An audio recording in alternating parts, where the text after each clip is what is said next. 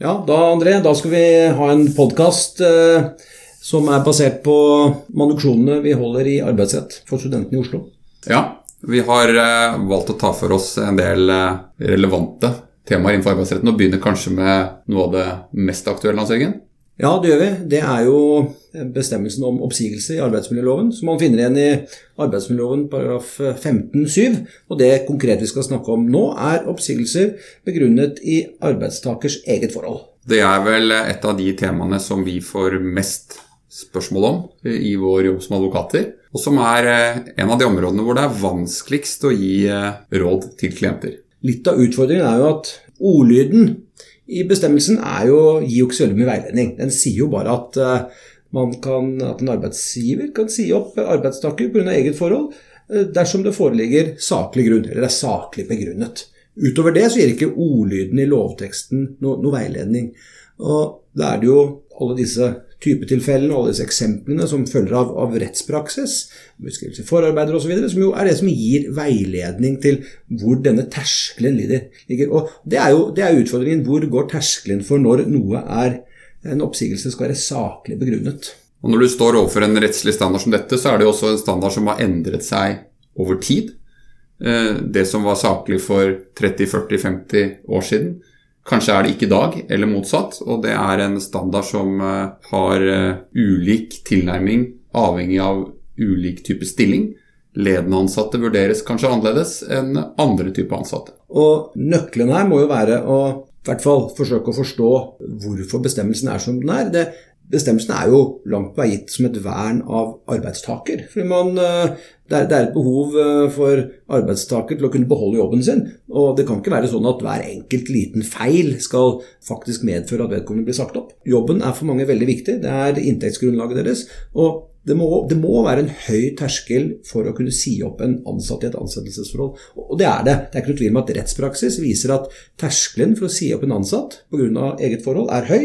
Og det krever jo Det er også slik at det er arbeidsgiver som har bevisbyrden for å kunne føre bevis for den, den saklige begrunnelsen for oppsigelsen.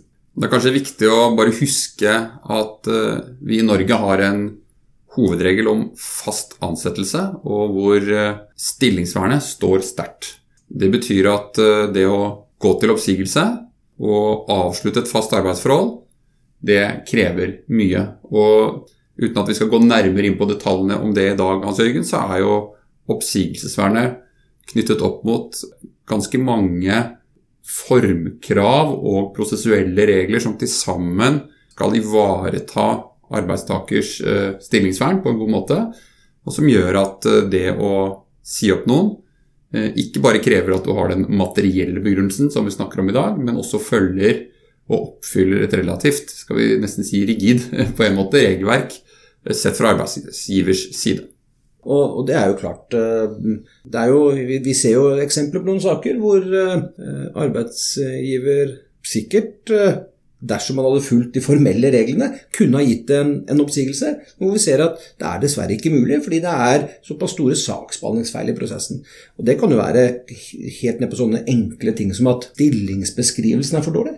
Eh, det er veldig vanskelig å si til at du gjør ikke jobben din hvis man ikke vet hvilken jobb som skal gjøres. Eh, det samme er det hvis alle møter og alle tilbakemeldinger er skjedd muntlig. At man ikke har noe skriftlighet rundt noen av disse tingene. Det er ikke gjennomført medarbeidersamtaler, det er ikke tatt opp noe i, i, i formelle møter med en signatur, eller i hvert fall, hvert fall en e-post som oppsummerer noe. Og, og det er klart, da blir bevissituasjonen veldig vanskelig. Og Det er jo da kall det litt sånn eh, en tilleggsdimensjon. fordi det er som du sier, André, det ene er de rene formelle kravene. At du, en oppsigelse du må ha et drøftingsmøte. Oppsigelse må oppfylle visse formkrav. Eh, det er et forbud mot oppsigelse i enkelte tilfeller, graviditet osv. Men det er også de bevismessige utfordringene som som gjør det vanskelig dersom du ikke har gjort et godt forarbeid og har en god medarbeideroppfølging løpende. Du kan vel gjennomgående si at når det gjelder oppsigelse pga. arbeidstakers forhold, så er beviskrav og bevisbyrde sammen med saksbehandling ofte det store spørsmålet. Når det gjelder oppsigelser som skyldes nedbemanninger eller virksomhetens forhold, så er det gjerne automatisk, nærmest, bevis i f.eks. virksomhetens regnskaper eller økonomi som gjør at den dimensjonen av det mye lettere oppfylles. Så utfordringen eh, som vi vil se, er at eh, arbeidsgivere i veldig mange sammenhenger mangler den dokumentasjonen som skal til for å gjennomføre en oppsigelse, selv om kanskje de underliggende realitetene tilsier at grunnlaget er der. Og jeg tror at uh, hvis, vi, hvis, vi, går inn og ser litt på kall det noen typetilfeller som kan begrunne en oppsigelse av en uh, ansatt basert på arbeidstakerens egne forhold, så er det jo alt det som går på illojalitet, ordrenekt, samarbeidsproblemer. Det er jo slik at som ansatt så er du bundet av den alminnelige lojalitetsplikten i ansettelsesforhold.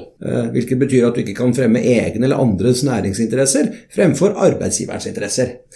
Og det er klart, her er det enkelte mm, ansatte som trår feil. De starter konkurrerende virksomhet. De klarer ikke helt å forstå at uh, så lenge du mottar, mottar lønn og, og, faktisk er et formelt ansettelsesforhold, så, så, kan du ikke drive med din egen business på, på si. I hvert fall ikke så lenge arbeidsgiver ikke har godkjent det. Så, så, her ser vi en del saker, og her er det en del saker fra, fra rettspraksis som viser at i hvert fall for ledende ansatte så er dette så er, tas lojalitetsplikten svært på alvor. Andre mer sånne konkrete tilfeller er jo ordrenekt. Det at eh, en ansatt nekter å innrette seg etter instrukser fra arbeidsgiver. Arbeidsgiver har jo en styringsrett, rett til å lede, kontrollere og fordele arbeidet.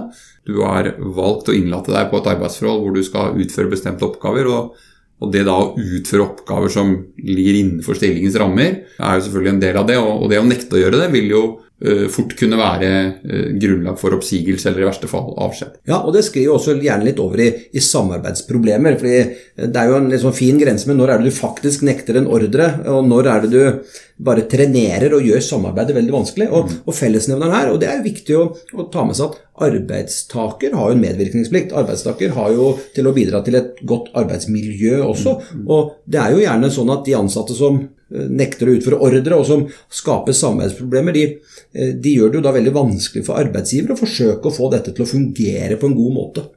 Og Disse samarbeidsproblemsakene er noen av de vanskeligste, fordi der får du ofte en argumentasjon som går på at det var ikke min skyld, det er noen andres skyld eh, at situasjonen har blitt som den har blitt. Eh, og det kan være vanskelig å bevise dette i en del sammenhenger. Andre typetilfeller som kan være enklere å forholde seg til, er jo de mer klassiske forsentkommingene, fravær, eh, at man møter på jobb i beruset tilstand osv. Her vil det jo normalt være lettere å dokumentere at den ansatte har misligholdt arbeidsforholdet, og raskere kunne gå til en oppsigelse eller i verste fall avskjed. Mm. Eneste vi skal huske på er at Når det gjelder rus, så er det jo også kan du si, kall det en omsorgsplikt fra arbeidsgivers side til å ta vare på en ansatt som har rusproblemer. og Noen er også underlagt et eget AKAM-program hvor det er spesielle forpliktelser som skal oppfylles også fra arbeidsgivers side før man går til oppsigelse. Eh, men generelt er kanskje de for forsentkomming- og fraværssakene som ikke er eh, dokumentert, de enklere sakene å gjennomføre. Ja, Og de sakene som ligger kanskje mer opp mot avskjedssaker, typisk altså eh, underslag, tyveri fra arbeidsplassen osv., av et visst omfang. Men det er verdt å merke seg at selv ved, i tyverisaker så har eksempler på at f.eks. tyveri av noen liter bensin eh, ikke har medført en, en, oppsigelse. Man har ment at det hadde vært tilstrekkelig med en advarsel. Og Så har man annen, et annet type tilfelle som er, som er veldig vanskelig å håndtere, og det er disse manglende arbeidsprestasjonene. Altså hvor rett og slett jobben vedkommende gjør, blir gjort for dårlig. Og det er altså ut, Litt av utfordringen med de sakene er at eh, det er stort sett ingen ansatte som er bare dårlige. De fleste klarer å gjøre deler av arbeidsoppgavene sine godt, men så er det andre deler igjen de da ikke gjør like godt, eller rett og slett gjør ganske dårlig. Mm. Og da må man jo gjøre en totalvurdering og si at ok, hva, hva er kravet til de oppgavene vedkommende skal utføre? Og så må man jo gjøre en sammenligning av uh, disse av alle oppgavene vedkommende gjør, og gjøre en totalvurdering og si er arbeidsprestasjonene markert under det som kan forventes. Ja, for Det er vel det rettspraksis har oppstilt som et kriterium, og for så vidt også juridisk teori. Eh, det må ligge markert under et forventet nivå. Og Jeg tror at det forventede nivået må være realistisk. Eh, det er eksempler også fra rettspraksis hvor ansatte har eller hvor oppsigelser ikke har stått seg fordi det kravet arbeidsgiver har stilt, f.eks. i et budsjett til en selger, har vært urealistisk. Og Det vi vel ser ofte i de sakene, er, det er noen ting som kjennetegner de sakene, er jo at eh, det i for liten grad gis tilbakemeldinger på at man er misfornøyd. Og når det gis tilbakemeldinger, så er det kanskje relatert til en bestemt arbeidsoppgave. Arbeidsgiver evner ikke å sette det inn i en kontekst og si at vi er misfornøyd med deg som ansatt. Det er mer det at vi er misfornøyd med den jobben du har gjort i denne saken, og da er det vanskelig for den ansatte å forstå alvoret i det. Og så er det gjerne sånn at arbeidsgiverne arbeidsgiveren har en tendens til å vente til begeret er fullt i de sakene. Og når de først går til advokat eller andre og ønsker å gjennomføre en oppsigelse, så, så er det nesten ikke spor av dokumentasjon for konkret og tilstrekkelig tilbakemelding underveis. For dette med tilbakemelding det er vel veldig viktig, er det ikke det? Jo, det, det, det er veldig viktig. Og eh, det leder meg litt over til dette med, dette med hvorvidt man skal eh, måtte gi advarsler til en ansatt forut for eh, en oppsigelse. Og det er altså ikke noe krav, slik enkelte tror, om at, at man først må gi en skriftlig advarsel til en medarbeider før man kan si vedkommende opp. Det er noen som mener at det er man må ha både to og tre advarsler før man kan si opp noen. Det er altså ikke riktig. Men, men det er riktig som sier André, tilbakemelding er helt, helt, kritisk. Og det er jo nettopp det man egentlig kan utlede litt av et sånt kontradiksjonsprinsipp. Altså, du sier at som, en, som ansatt så må du få muligheten til å rette opp arbeidet. Muligheten til å gjøre det bedre, muligheten til å forbedre deg. Og arbeidsgiver har jo også en plikt til å medvirke og legge til rette for at den ansatte skal kunne faktisk komme opp på et akseptabelt nivå og klare å utføre arbeidet sitt på en, på en, på en god måte. Hvis man ikke gjør det, så har man eksempler fra rettspraksis hvor uh, arbeidsgivere som har ment at en oppsigelse har vært gyldig. Domstolen har sagt nei, det er det ikke. Rett og slett fordi vedkommende har da ikke fått anledning til å forbedre sine prestasjoner.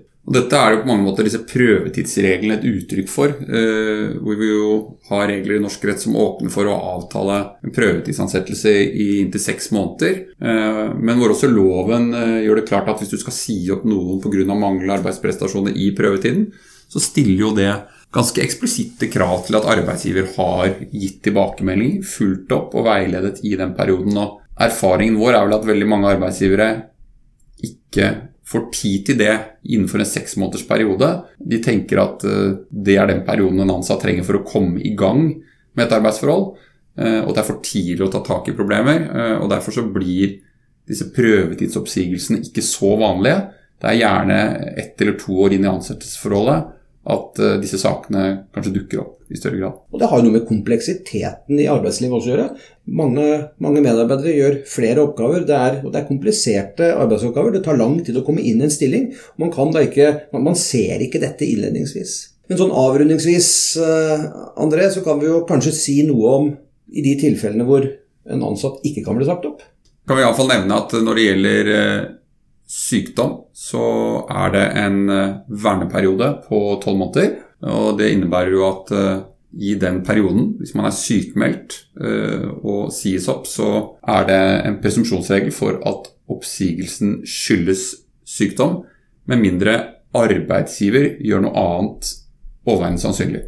Så her har man altså en omvendt eller snudd bevisbyrde som, som gjør det krevende, iallfall hvis det er oppsigelse som skyldes arbeidstakerens forhold. Si opp noen når de er sykmeldt. Det kan være lettere hvis det er en klar nedmanningssituasjon å gjennomføre det. Mm. Eh, og så har du enda strammere beskyttelse, eh, bl.a. når det gjelder ansatte som er fraværende som følge av eh, graviditet og fødselspermisjon. Mm. For, da, for da er det slik at da får vel ikke oppsigelsen virkning i selve fraværsperioden. Er riktig. Først etter at fraværsperioden ja. er utløpt. Ja, og så har vi noen andre spesialregler også som som gir beskyttelse. Sånn summa summarum, oppsummeringsvis. Eh, oppsigelse pga. arbeidstakers forhold, det er vanskelig. Eh, det er den rettslige standarden for eh, hva som er saklig begrunnet, er ikke helt enkel å få tak på. Det krever et, en grundig gjennomgang av rettspraksis. Man må lese ganske mye om det. Men hvis du skulle gi noen tips til en student, André, hva ville du tenkt da? Jeg ville tenkt les dommer akkurat på dette området, fordi her er det rettspraksis som avgjørende og forsøke å forstå i hvilke saker er det arbeidsgiver har fått medhold, og i hvilke saker er det arbeidsgiver ikke har fått medhold. Og Gjennomgående så vil dere nok se at der hvor arbeidsgiver har gitt tilbakemeldinger underveis på ulike former for mislighold, og det kan dokumenteres, så er det klart enklere å få medhold enn i de sakene hvor det ikke er gjort. Og det gjelder, ba, det gjelder ikke bare manglende arbeidsprestasjon.